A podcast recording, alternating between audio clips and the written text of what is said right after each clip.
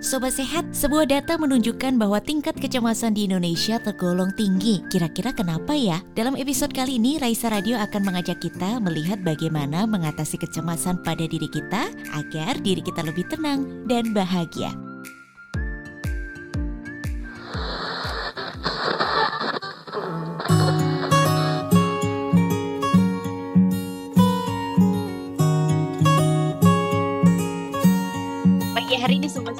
Bicara soal kecemasan. Pas banget untuk sobat sehat yang barangkali dari kemarin mencari-cari tahu nih, kenapa diriku, terus bagaimana mengatasi kecemasan ini. Nah hari ini kita akan bijak sehat akan menemani Anda selama kurang lebih satu jam ke depan. Kita akan bicara tentang kecemasan nih, bagaimana mengurangi kecemasan dan memanage kecemasan yang hadir ke dalam diri kita. Kita akan berbincang dengan narasumber kami yang luar biasa. Tentu sobat sehat ini sudah tidak asing lagi. Ada Mbak Ida N. Faizah, Magister Psikologi Psikolog dari Pusat Perilaku dan Promosi Kesehatan FKKMK UGM. Beliau merupakan psikolog klinis begitu ya. Kita akan sapa dulu. Selamat pagi Mbak Ida. Selamat pagi Mbak Galuh. Sehat Mbak Ida pagi hari ini? Alhamdulillah sehat. Alhamdulillah seger banget pagi-pagi Mbak Ida. Terima kasih banyak Mbak sudah mau menyapa sobat sehat semuanya untuk uh, kita mengurangi kecemasan nih Mbak Ida. Terima kasih Mbak Ida pagi hari sudah hadir. Semoga kehadiran saya mengurangi kecemasan ya, tidak menambah kecemasan ya pada sobat-sobat sekalian. Tentu tidak di Mbak Ida. Mungkin para sobat sehat begitu kemarin lihat posternya Raisa Radio sudah bersiap nih pagi hari ini. Barangkali sobat sehat yang sudah hadir baik di website, di radio ataupun di Zoom juga sudah menyiapkan catatannya atau memasang telinga tajam-tajam nih. Karena ini memang topiknya relate di era-era sekarang ya Mbak Ida ya. Uh, kadang kita kita bisa jadi kita kurang mengenali kalau kita ini sedang cemas. Nah, Mbak Ida izin mulai nih pagi hari ini kita akan bicara soal kecemasan. Nah, sebetulnya kita harus tahu dulu nih Mbak Ida, kecemasan nih perasaan yang seperti apa dan bedanya sama takut tuh apa Mbak Ida? Karena dua-dua itu agak-agak tipis-tipis dan kadang kita kurang mengenali. Silakan Mbak Ida.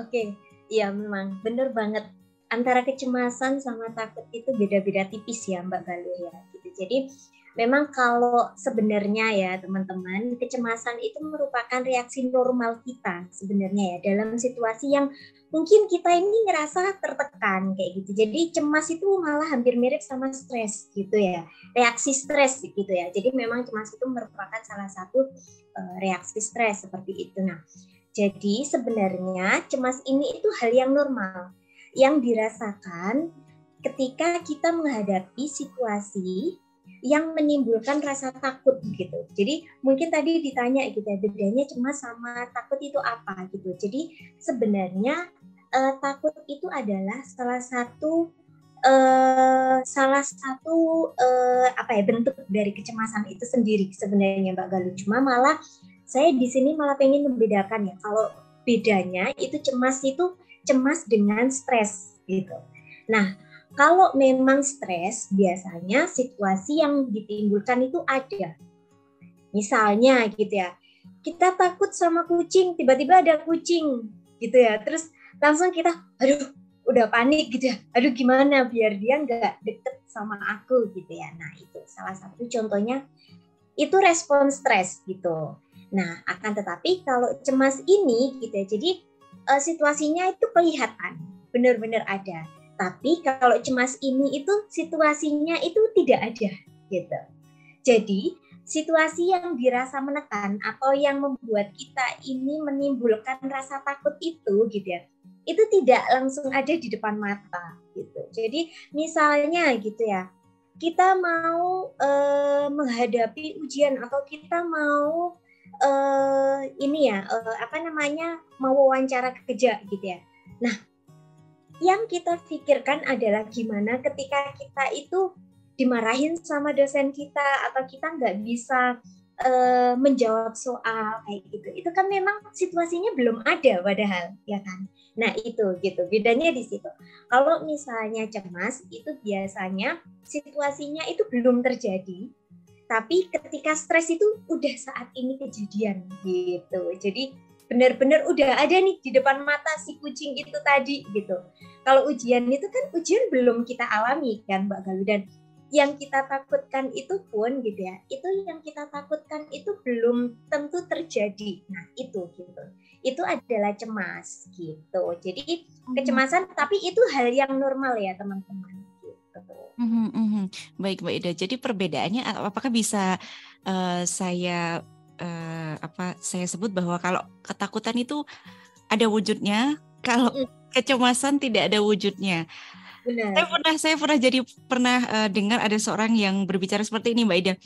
Semakin mendewasa nih kita takut dengan hal-hal yang belum ada wujudnya. Dulu waktu kecil kita sering takut tuh ada alasannya misalnya takut hantu atau takut kucing itu tadi atau takut guru yang uh, di sekolah yang garang atau takut sama teman kakak kelas. Nah, semakin mendewasa ketakutan kita tuh ke kebanyakan ketakutan yang tidak ada wujudnya. Berarti itu cemas tadi ya Mbak Ida ya? Iya, benar banget. Mbak Lalu. Jadi makanya kan sampai ada beberapa banyak sekali istilah gitu ya.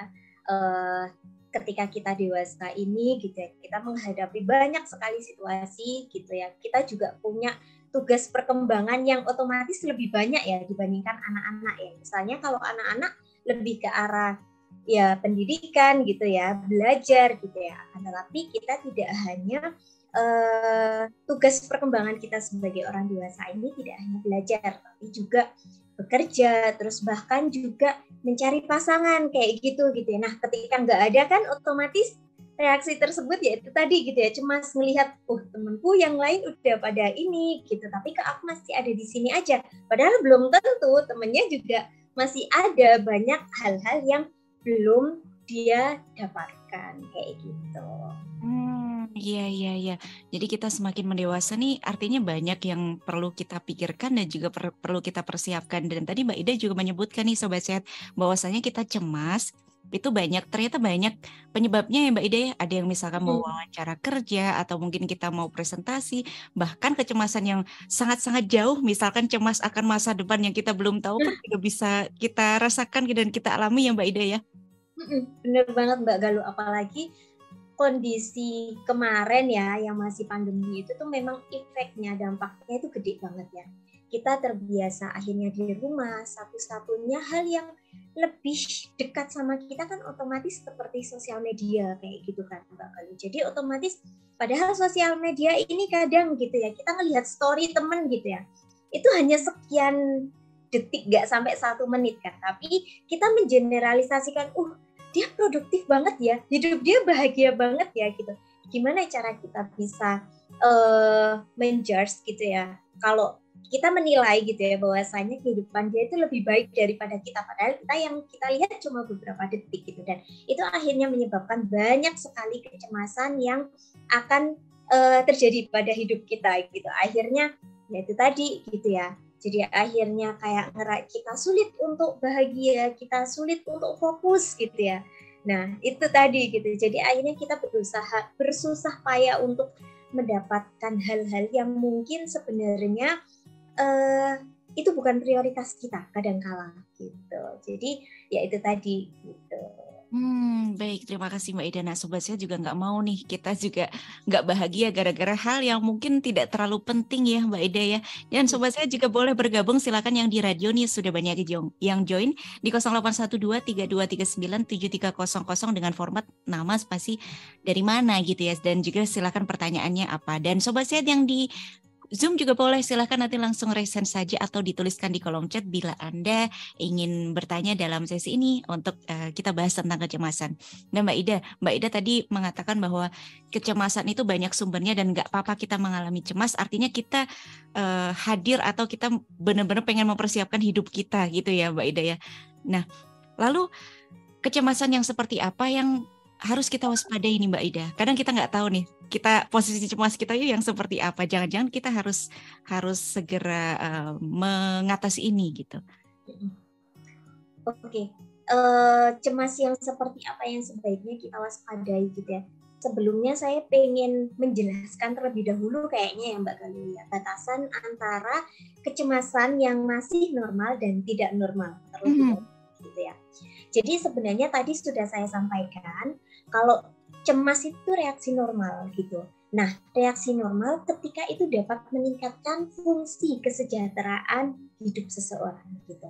Misalnya gitu ya, tadi saya kasih contoh gitu ya dengan rasa cemas kita takut dimarahin oleh dosen ketika nilai kita uh, kurang baik gitu ya uh, atau ketika kita mau presentasi gitu ya otomatis kita akan berusaha ber apa ya berusaha untuk uh, menyelesaikan tugas kita dengan baik gitu ya Nah, akan tetapi cemas itu akan menjadi tidak normal ketika itu sampai akhirnya e, merambah ke fungsi uh, atau merusak dari fungsi kinerja kita gitu. Jadi dan juga akhirnya mengganggu kesejahteraan kita gitu. Jadi misalnya cemas gitu ya, kita cemas sampai mual, muntah gitu ya, terus nggak nafsu makan itu secara terus menerus gitu ya, atau mungkin secara emosi gitu ya, akhirnya kita sering takut gitu, takut banyak hal gitu ya. Jadi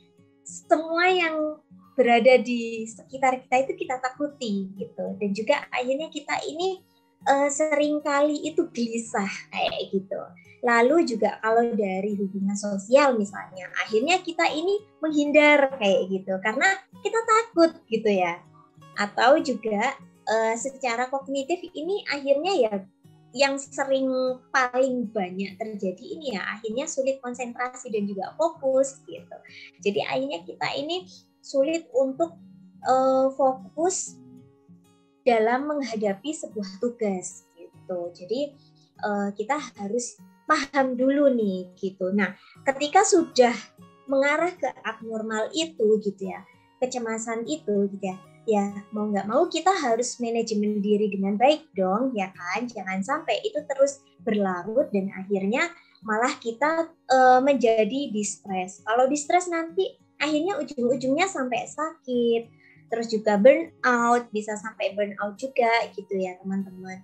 Gitu. Juga sampai sering pusing gitu ya atau nyeri kepala kayak gitu. Terus juga karena nafsu makan ini sering kali mengurang atau malah ada beberapa ketika uh, cemas gitu ya itu tuh nafsu makannya nambah gitu Mbak Galuh. Jadi otomatis terjadi gangguan pencernaan misalnya sampai BB-nya berkurang atau mungkin BB-nya meningkat kayak gitu terus sampai insomnia sedangkan ketika kita sering kali insomnia sampai lebih dari dua minggu lebih dari enam bulan gitu ya itu kan otomatis juga organ-organ dalam kita juga berpengaruh juga kayak gitu jadi itu yang harus kita waspadai. Mm-hmm. Iya, terima kasih Mbak Ida. Jadi memang kita harus mencermati diri kita apa nih yang terjadi. Nah, jangan-jangan itu tadi sudah merambah ke fisik, akhirnya ternyata sampai merambah ke sakit kepala juga ya Mbak Ida ya, sampai ke nafsu iya. makan juga, sampai ke fisik nih Sobat Z. Padahal akarnya itu dari pikiran ya Mbak Ida ya. ya. Nah, Mbak Ida mungkin dari para Sobat Z, uh, termasuk juga saya juga kadang bertanya-tanya, saat kita menengok diri kita sendiri, terus kita merasa bahwa kita mengakui bahwa kita cemas terhadap sesuatu yang itu mungkin bagi orang itu sepele. Nah, kadang kita takut untuk mengakui apa iya saya cemas dengan hal itu, padahal diri kita uh, sudah merasakan gejala-gejala yang disebutkan Mbak Ida itu tadi. Nah, bagaimana nih Mbak Ida kita untuk menerima diri kita nih? Atau bagaimana karena kita juga kadang ada rasa takut oh orang lain aja biasa aja nih mengalami itu gitu. Masa iya kita kita mengalami ini kok kok bisa sampai segininya? gitu. Apakah orang tuh memang beda-beda ya mbak Ida ya? Kan gini ya karena memang pengalaman tiap manusia itu kan beda-beda juga ya Mbak Galuh Jadi otomatis itu juga yang akan mempengaruhi cara pola pikir kita dan juga cara menimbang kita gitu. Misalnya gitu ya, uh, saya akan sangat cemas ketika dulu itu uh, eh, HP saya dibawa sama orang tua saya di, dilihat gitu ya. Nah, akan tetapi untuk saat ini sudah tidak lagi gitu ya, misalnya gitu ya. Itu kan otomatis karena memang ada uh, perubahan gitu ya yang terjadi pada proses pengalaman kita gitu. Otomatis juga mempengaruhi cara pandang kita gitu. Nah, hal ini juga otomatis itu sama gitu. Ketika menurut saya gitu ya, saya cemas nih uh, ketika mau jadi uh, narasumber di Bincang Sehat gitu ya, di Bincang Sehat Raisa gitu ya. Nah, mungkin itu akan berbeda pada Mbak Galuh yang udah terbiasa nih jadi moderator gitu ya setiap pagi. Jadi uh, lebih semangat gitu ya. Nah, otomatis itu kan sangat berbeda-beda gitu. Nah, gimana cara kita untuk manajemen dari biar kita ini nggak stres dan eh bukan nggak stres ya, uh, manajemen diri biar kita ini nggak cemas dan sampai kebablasan ke arah yang tadi gitu ya. Salah satunya saya selalu meminta untuk berhenti sejenak dulu gitu dan usahakan untuk tidak panik gitu jadi berhenti sejenak itu benar-benar yang atur nafas gitu. Olah nafas kita gitu. Kadangkala ketika kita cemas itu kan banyak banget kan yang masuk gitu ya, pikiran-pikiran yang muncul gitu ya. Nah, itu ketika kita tidak bisa uh, menganalisis dengan baik, akhirnya yang terjadi adalah perilaku kita pun gitu ya. Itu juga tidak akan optimal kayak gitu. Jadi misalnya gitu ya, kita uh, pada semester akhir nih banyak banget tugas-tugas dari dosen. Kalau kita cuma mikirin tugas A, B, C, D, aduh banyak banget, banyak banget. Pasti nggak malah dikerjain kan Mbak Galuh? Karena kita udah ngerasa itu berat di awal gitu kan. Jadi otomatis ya udah berhenti dulu aja gitu. Maksudnya di sini berhenti sejenak adalah atur nafas gitu. Jadi olah tubuh kita biar akhirnya kita ini uh, tidak panik duluan gitu. Misalnya gitu ya, ketika cemas gitu ya, usahakan untuk jangan malah main sosmed. Kenapa gitu ya? Karena bisa jadi itu salah satu trigger kita.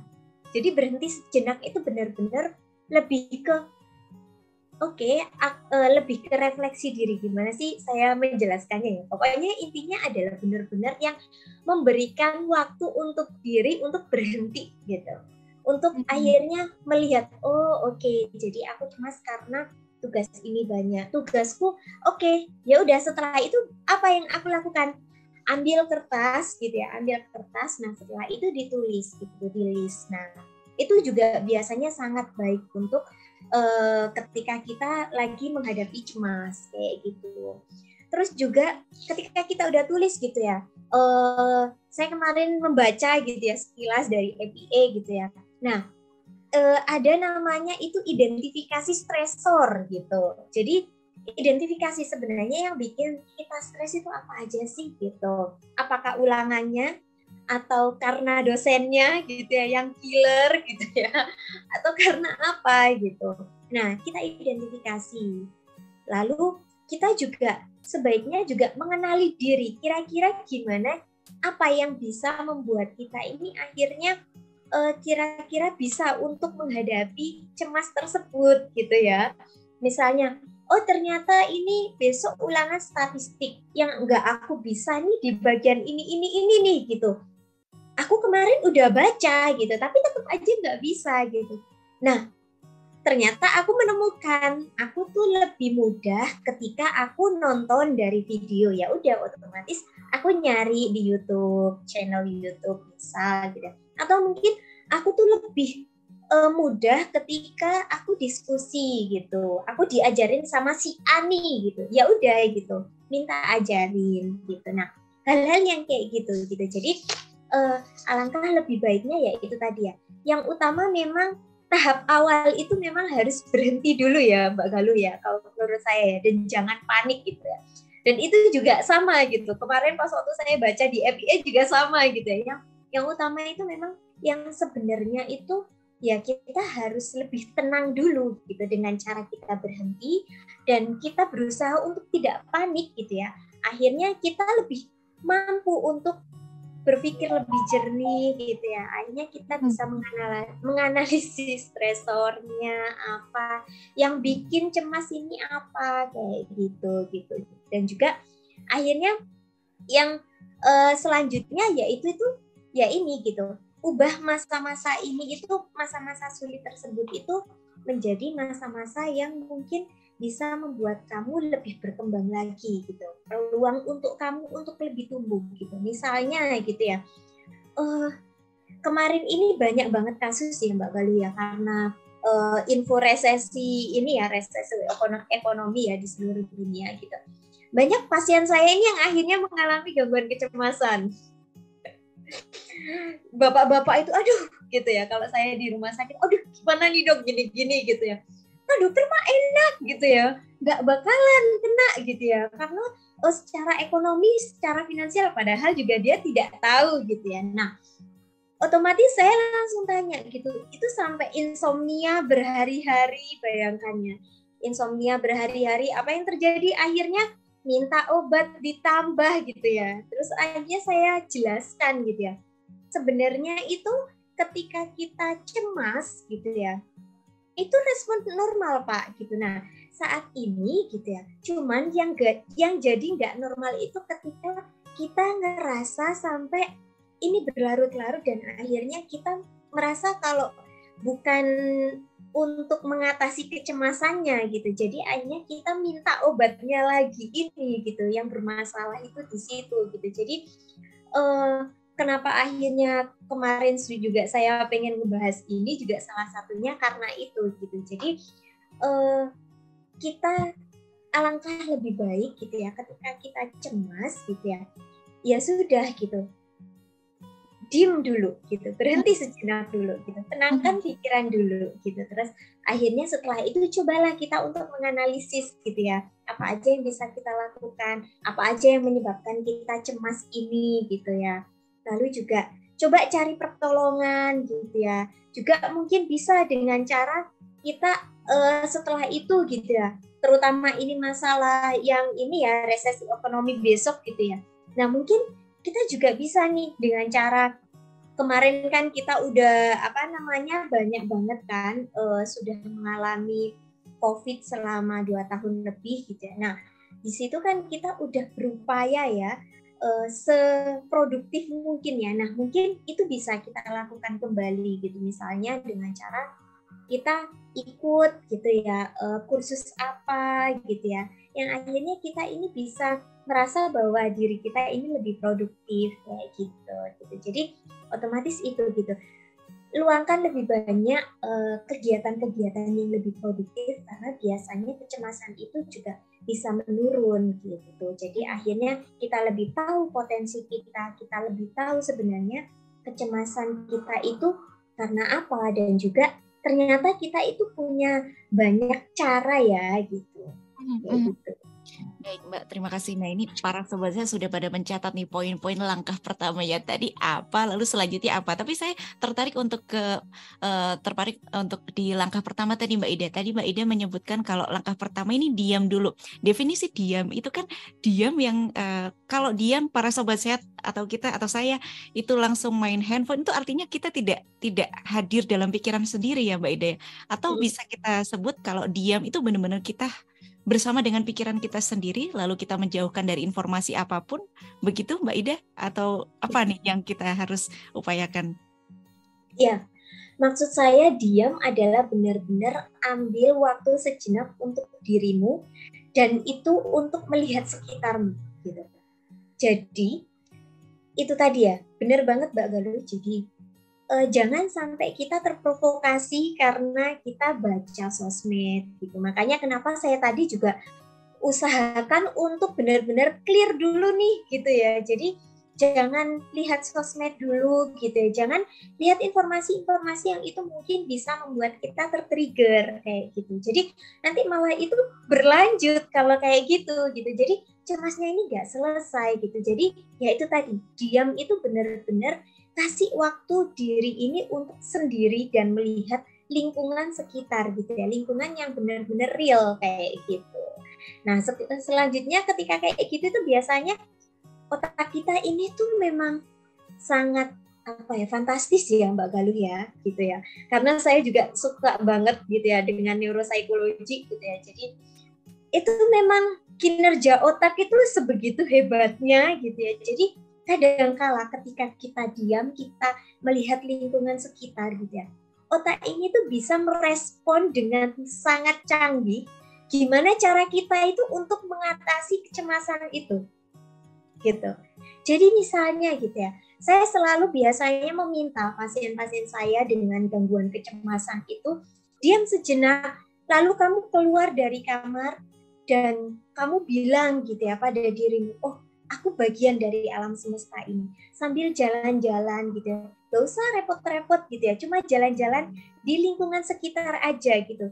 Rasakan gimana sensasinya angin itu berhembus gitu ya. Udara itu uh, menyentuh ke pori-pori kulitmu kayak gitu. Nah itu biasanya ngebuat kita ini akhirnya lebih apa ya uh, lebih bermakna gitu ya. Jadi otomatis juga hormon dopamin serotonin itu juga akan meningkat dan akhirnya yang terjadi adalah kita mampu untuk menganalisis gitu kira-kira apa aja nih yang bisa kita lakukan gitu. Sebenarnya prioritas utama setelah ini itu harusnya saya ngapain sih gitu. Nah, itu hmm. biasanya juga bisa jadi uh, jadi yang bisa membantu kita gitu. Iya. Menarik nih Mbak Ida, menarik banget karena kita barusan diingatkan oleh Mbak Ida bahwa otak kita ini luar biasa ya sobatnya sebetulnya.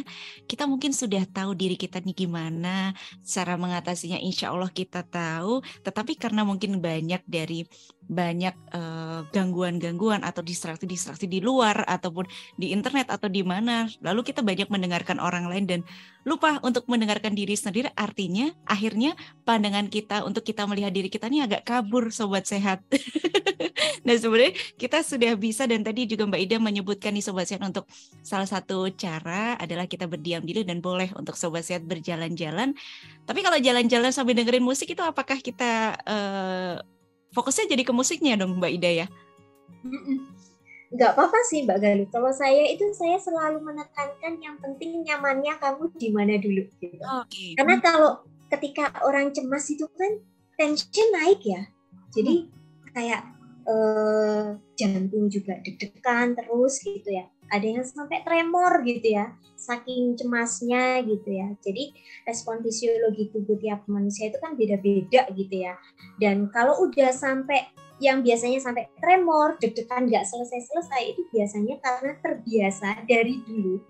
Ketika cemas itu ada gitu ya, itu berusaha untuk diabaikan atau mungkin uh, tidak untuk segera diatasi kayak gitu. Jadi akhirnya yang terjadi itu tadi respon fisiologinya yang sampai benar-benar mual muntah itu sampai makanannya keluar kayak gitu nah itu hati-hati ya teman-teman kalau sudah sampai kayak gitu gitu nah otomatis yang bisa kita lakukan ya buatlah dirimu nyaman dulu gitu misalnya hmm. gitu ya mbak uh, mbak Galuh gitu ya ketika kita pengen jalan-jalan sambil dengerin musik ya nggak apa-apa gitu yang terpenting adalah musik tersebut itu adalah musik yang membuatmu mengingat momen-momen emosi-emosi yang positif gitu ya, momen-momen yang itu membuatmu bahagia gitu. Dan itu benar-benar kamu bawa gitu. Jadi otomatis kan kita lebih semangat menjalani hari, semangat untuk menjalani tantangan gitu ya. Jadi otomatis wah ini cuma kecemasanku, aku bisa loh menghadapinya kayak gitu. It's okay sebenarnya Mbak Galuh gitu. Hmm. Dan yang terpenting kalau misalnya karena beberapa kasus gitu ya Mbak Galuh ketika saya minta pasien saya untuk mindfulness mungkin maksud Mbak Galuh ini nanti nggak mindfulness gitu ya gitu.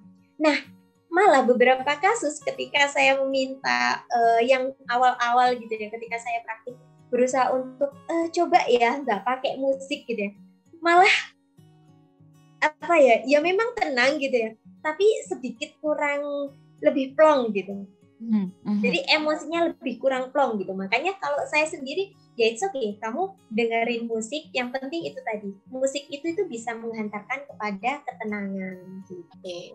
Dan dalam ketenangan itu kita belajar untuk menyederhanakan pikiran kita biar nggak terlalu mengembara gitu ya Mbak Ida ya. Oke. Okay. Uh, Dan Mbak Ida, boleh kita akan bacakan satu persatu dari sobat sehat yang sudah bertanya ya Mbak Ida ya. Oke, silakan Mbak Galuh. Ini pertanyaan dari Mbak Rahma. Selamat pagi Mbak Rahma dari dari mana nih? Selamat pagi Mbak Ida dan juga Mbak Galuh. Izin bertanya, apakah rasa cemas yang berlebih terhadap kondisi fisik dapat diartikan sebagai anxiety disorder? Terima kasih. Monggo Mbak Ida. Mungkin ini uh, terkait dengan kecemasan yang sudah harus kapan nih? Termasuk juga kapan kita harus ke profesional juga. Silakan Mbak Ida. Oke, sebentar ini saya nyari Oh, nggak masuk ya. Oke, terima kasih. Uh, tadi siapa yang bertanya Mbak? Mbak Rahma. Oke, Mbak Rahma.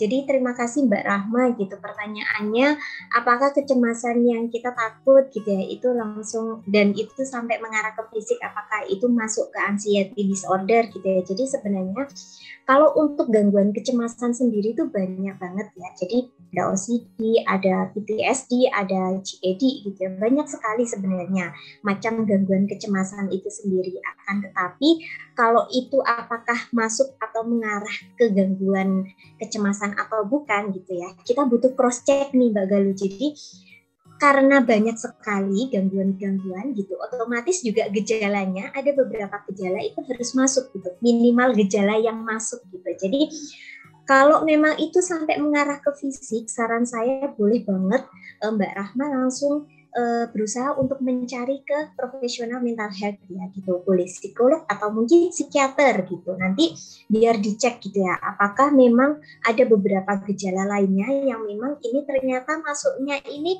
ke arah kegangguan sudah masuk ke gangguan kayak gitu gitu. Atau malah memang misal gitu ya uh, ketika kita paham terkait dengan PTSD gitu ya post traumatic syndrome disorder gitu ya ini uh, saya mau mengingatkan ya kepada teman-teman untuk hati-hati untuk self diagnose gitu ya. Jadi ketika kita baca terkait PTSD gitu ya. Nah, ceritanya kemarin habis gempa nih gitu ya Mbak Galuh misalnya gempa. Lalu kita panik gitu ya. Terus kita pas waktu kondisi gempa itu kita panik terus jadi ada getaran kecil atau misal ada yang jatuh gitu ya. Kita langsung kaget gitu ya, panik gitu ya. Nah, ini ada di mana ketika kita mengalami sebuah situasi atau kondisi yang memang itu mengguncang gitu ya, itu ada fase adaptasi. Jadi memang itu merupakan hal yang normal, belum kita nyatakan sebagai gangguan gitu. Ketika memang hal itu masih baru baru terjadi gitu. Nah, ya itu tadi gitu ya. Kenapa kok itu sampai terjadi ya? Itu merupakan reaksi cemas yang normal gitu. Itu untuk membantu kita untuk bisa menghadapi masalah-masalah yang ada di dunia ini sebenarnya gitu. Jadi ya sama kayak uh, gerak refleks mata kita ya. Ketika mau ada benda yang masuk ke mata kita langsung gini gitu. Dan itu memang refleks sejak kita bayi kayak gitu. Ya sama gitu. Baik uh, sebenarnya reaksi stres sama cemas itu sama gitu. Cuma memang pencetusnya ini yang beda. Jadi sebenarnya cara mengatasinya itu juga sama gitu yaitu hmm. tadi itu dengan lebih kita memahami gitu ya sebenarnya apakah ini sampai berpengaruh pada kehidupan saya, kesejahteraan hidup saya, apakah sampai kinerja saya ini menurun. Nah, itu baru gitu. Jadi itu bisa jadi sudah tidak normal gitu ketika tadi ya sudah saya sebutkan ketika sampai sulit konsentrasi, lalu juga sampai akhirnya kita yang biasanya ngerjain gitu ya. Mungkin ini saya sering gitu ya bahas ini. Biasanya kita ngerjain ini tuh dalam waktu 30 menit selesai, tapi ini tuh sampai satu setengah jam gitu. Dan itu dalam kurun waktu yang lama gitu ya. Jadi ketika cemas harusnya ketika masalah itu selesai harusnya respon itu sudah tidak ada lagi. Tapi respon ini menetap gitu. Nah, itu otomatis kita harus sebaiknya segera untuk uh, berkonsultasi ke profesional mental health kayak gitu Mbak Dalvi. Baik, terima kasih. Terima kasih juga untuk Mbak Rahma yang sudah mengajukan pertanyaan semoga terjawab dan ketika itu memang terjadi pada diri Mbak Rahma tadi pesan dari Mbak Ida segera konsultasikan gitu ya Mbak Ida ya karena sudah mengarah ke fisik ya Mbak Ida. Oke, terima kasih Mbak Ida dan pertanyaan selanjutnya dari Mbak Dwi Cahyani. Terima kasih apa kabar ini Mbak Dwi Cahyani? Pagi Mbak, saya ingin bertanya, kapan kita perlu identifikasi stresor dan bagaimana cara mengidentifikasi stresor? Matur. Oke, terima kasih Mbak Dwi Cahyani. Uh, kapan kita perlu identifikasi stresor ya? Kalau jawaban saya sebenarnya setiap saat ya. Kenapa? Karena ya itu tadi ya Mbak Galuh. Tadi di awal-awal Mbak Galuh bilang semakin kita dewasa ini banyak hal yang membuat kita cemas gitu. Nah, ya itu tadi gitu otomatis semakin sering juga sebenarnya kita alangkah lebih baiknya untuk mengidentifikasi gitu. stresor apa saja sih yang membuatkan kita cemas gitu apakah ini kecemasan ini kecemasan yang memang sering kali aku hadapi dan aku biasa untuk uh, mengata aku biasa untuk mengatasinya dan bisa gitu ya Mbak Galuh. Jadi otomatis itu juga akan membuat kita uh, lebih hidupnya lebih sejahtera lagi kayak gitu. Jadi kalau kapan ya setiap saat ya Mbak ya sebenarnya kalau menurut saya gitu. Nah, baru ketika kalau misal sampai itu tadi yang mengarah ke gejala fisik, terus juga mungkin sampai emosi ya gitu ya. Karena cemas gitu ya. Kadang ada beberapa orang itu sampai gugup gitu ya, gelisah gitu. Yang terjadi akhirnya sering kali responnya ini senggol bacok gitu, Mbak Galuh. Jadi bahasanya itu kayak, uh gitu ya, dibikin, dibikin misal langsung deg-degan gitu ya langsung ah tensinya langsung naik gitu. Jadi otomatis dia tidak mampu untuk mengendalikan dirinya gitu ya. Nanti ujung-ujungnya aduh ngapain ya aku tadi marah kayak gitu gitu. Nah ketika sudah kayak gitu ya otomatis kita kudu identifikasi gitu. Sebenarnya ini kenapa sih kok aku kayak gini gitu ya biasanya kenapa sih kok aku kayak gini gitu ada hal-hal yang sebenarnya aku pikirkan ini itu akarnya itu di mana itu pasti ada kan teman-teman sekalian gitu jadi otomatis ya itu tadi gitu identifikasi itu ya otomatis setiap saat juga menurut saya. Baik, terima kasih Mbak Ida. Ini juga merupakan, aduh, pengingat bagi kita semua di Sobat Sehat mengidentifikasi diri. Terima kasih Mbak Ida sudah diingatkan itu harus setiap saat. Dan setiap saat dan ajang untuk kita berlatih agar nanti ketika ada stresor itu biar kita langsung tahu radar kita lebih kuat gitu ya Mbak Ida ya kalau kita bisa kalau ya, banget. kalau kita mengenali stresor kita pada saat stres saja bisa jadi kita nanya kamu kenapa sih? Tapi kalau kita dari sekarang pertanyaan kita ke diri sendiri jadi kamu kenapa? Agak lembut ya Mbak Ida. Benar. Jadi ini Mbak Galuh saya selalu mengingatkan ya pada teman-teman ada yang namanya reaksi pas waktu kita stres gitu ya coping strategi gitu ya itu kan ketika kita di stres itu tensinya naik dan itu melebihi batas normal kita ya. Tapi ada ketika eustress itu akhirnya menyebabkan kinerja kita ini semakin meningkat kayak gitu ya. Nah, itu sebenarnya itu kenapa kok bisa kayak gitu gitu ya. Nah, itu ada ilmunya teman-teman gitu. Jadi sebenarnya dengan cara kita untuk selalu berlatih mengidentifikasi, menganalisis apa yang terjadi pada diri kita, biasanya otomatis kita akan berupa, berupaya untuk gimana nih untuk menyelesaikan masalah ini gitu kan. Misalnya gitu ya, salah satu contoh gitu ya, kita dapat soal nih, soal matematika mungkin hari ini 10 gitu ya. Sangat mungkin sekali besok kita bisa loh mengerjakan 20, 30 dan itu terus naik terus naik. Ya sama gitu ketika kita olahraga gitu ya uh, Mbak Galuh mungkin satu hari ini kita 30 menit tapi semakin hari semakin hari akan naik gitu. Nah itu sama dengan uh, reaksi cemas dan juga reaksi buat stres ini sendiri gitu. Jadi ada beberapa orang yang mungkin kita ngelihat wah orang ini canggih banget ya gitu. Beliau ini sangat cerdas ya kayak gitu. Ya karena itu dia mampu untuk menyelesaikan stres-stresnya. Dia mampu untuk menyelesaikan apa yang membuat dia cemas gitu. Dan mulai saat ini juga kita bisa latihan ya Mbak Ida ya. Ya benar. Luar biasa sekali. Terima kasih banyak Mbak Ida sudah memberikan banyak ilmu pagi hari ini. Lebih semangat ya Sobat Sehat. Ternyata ini bisa kita upayakan dan bisa kita upayakan saat ini juga. Semoga kita bisa sama-sama menjadi pribadi yang lebih baik setelah ini bisa juga menganalisis apa yang menjadi stresor kita dan bagaimana mengatasinya dan kita juga perlu mengenali kapan juga kita stresor ini sudah kita harus segera ke profesional begitu.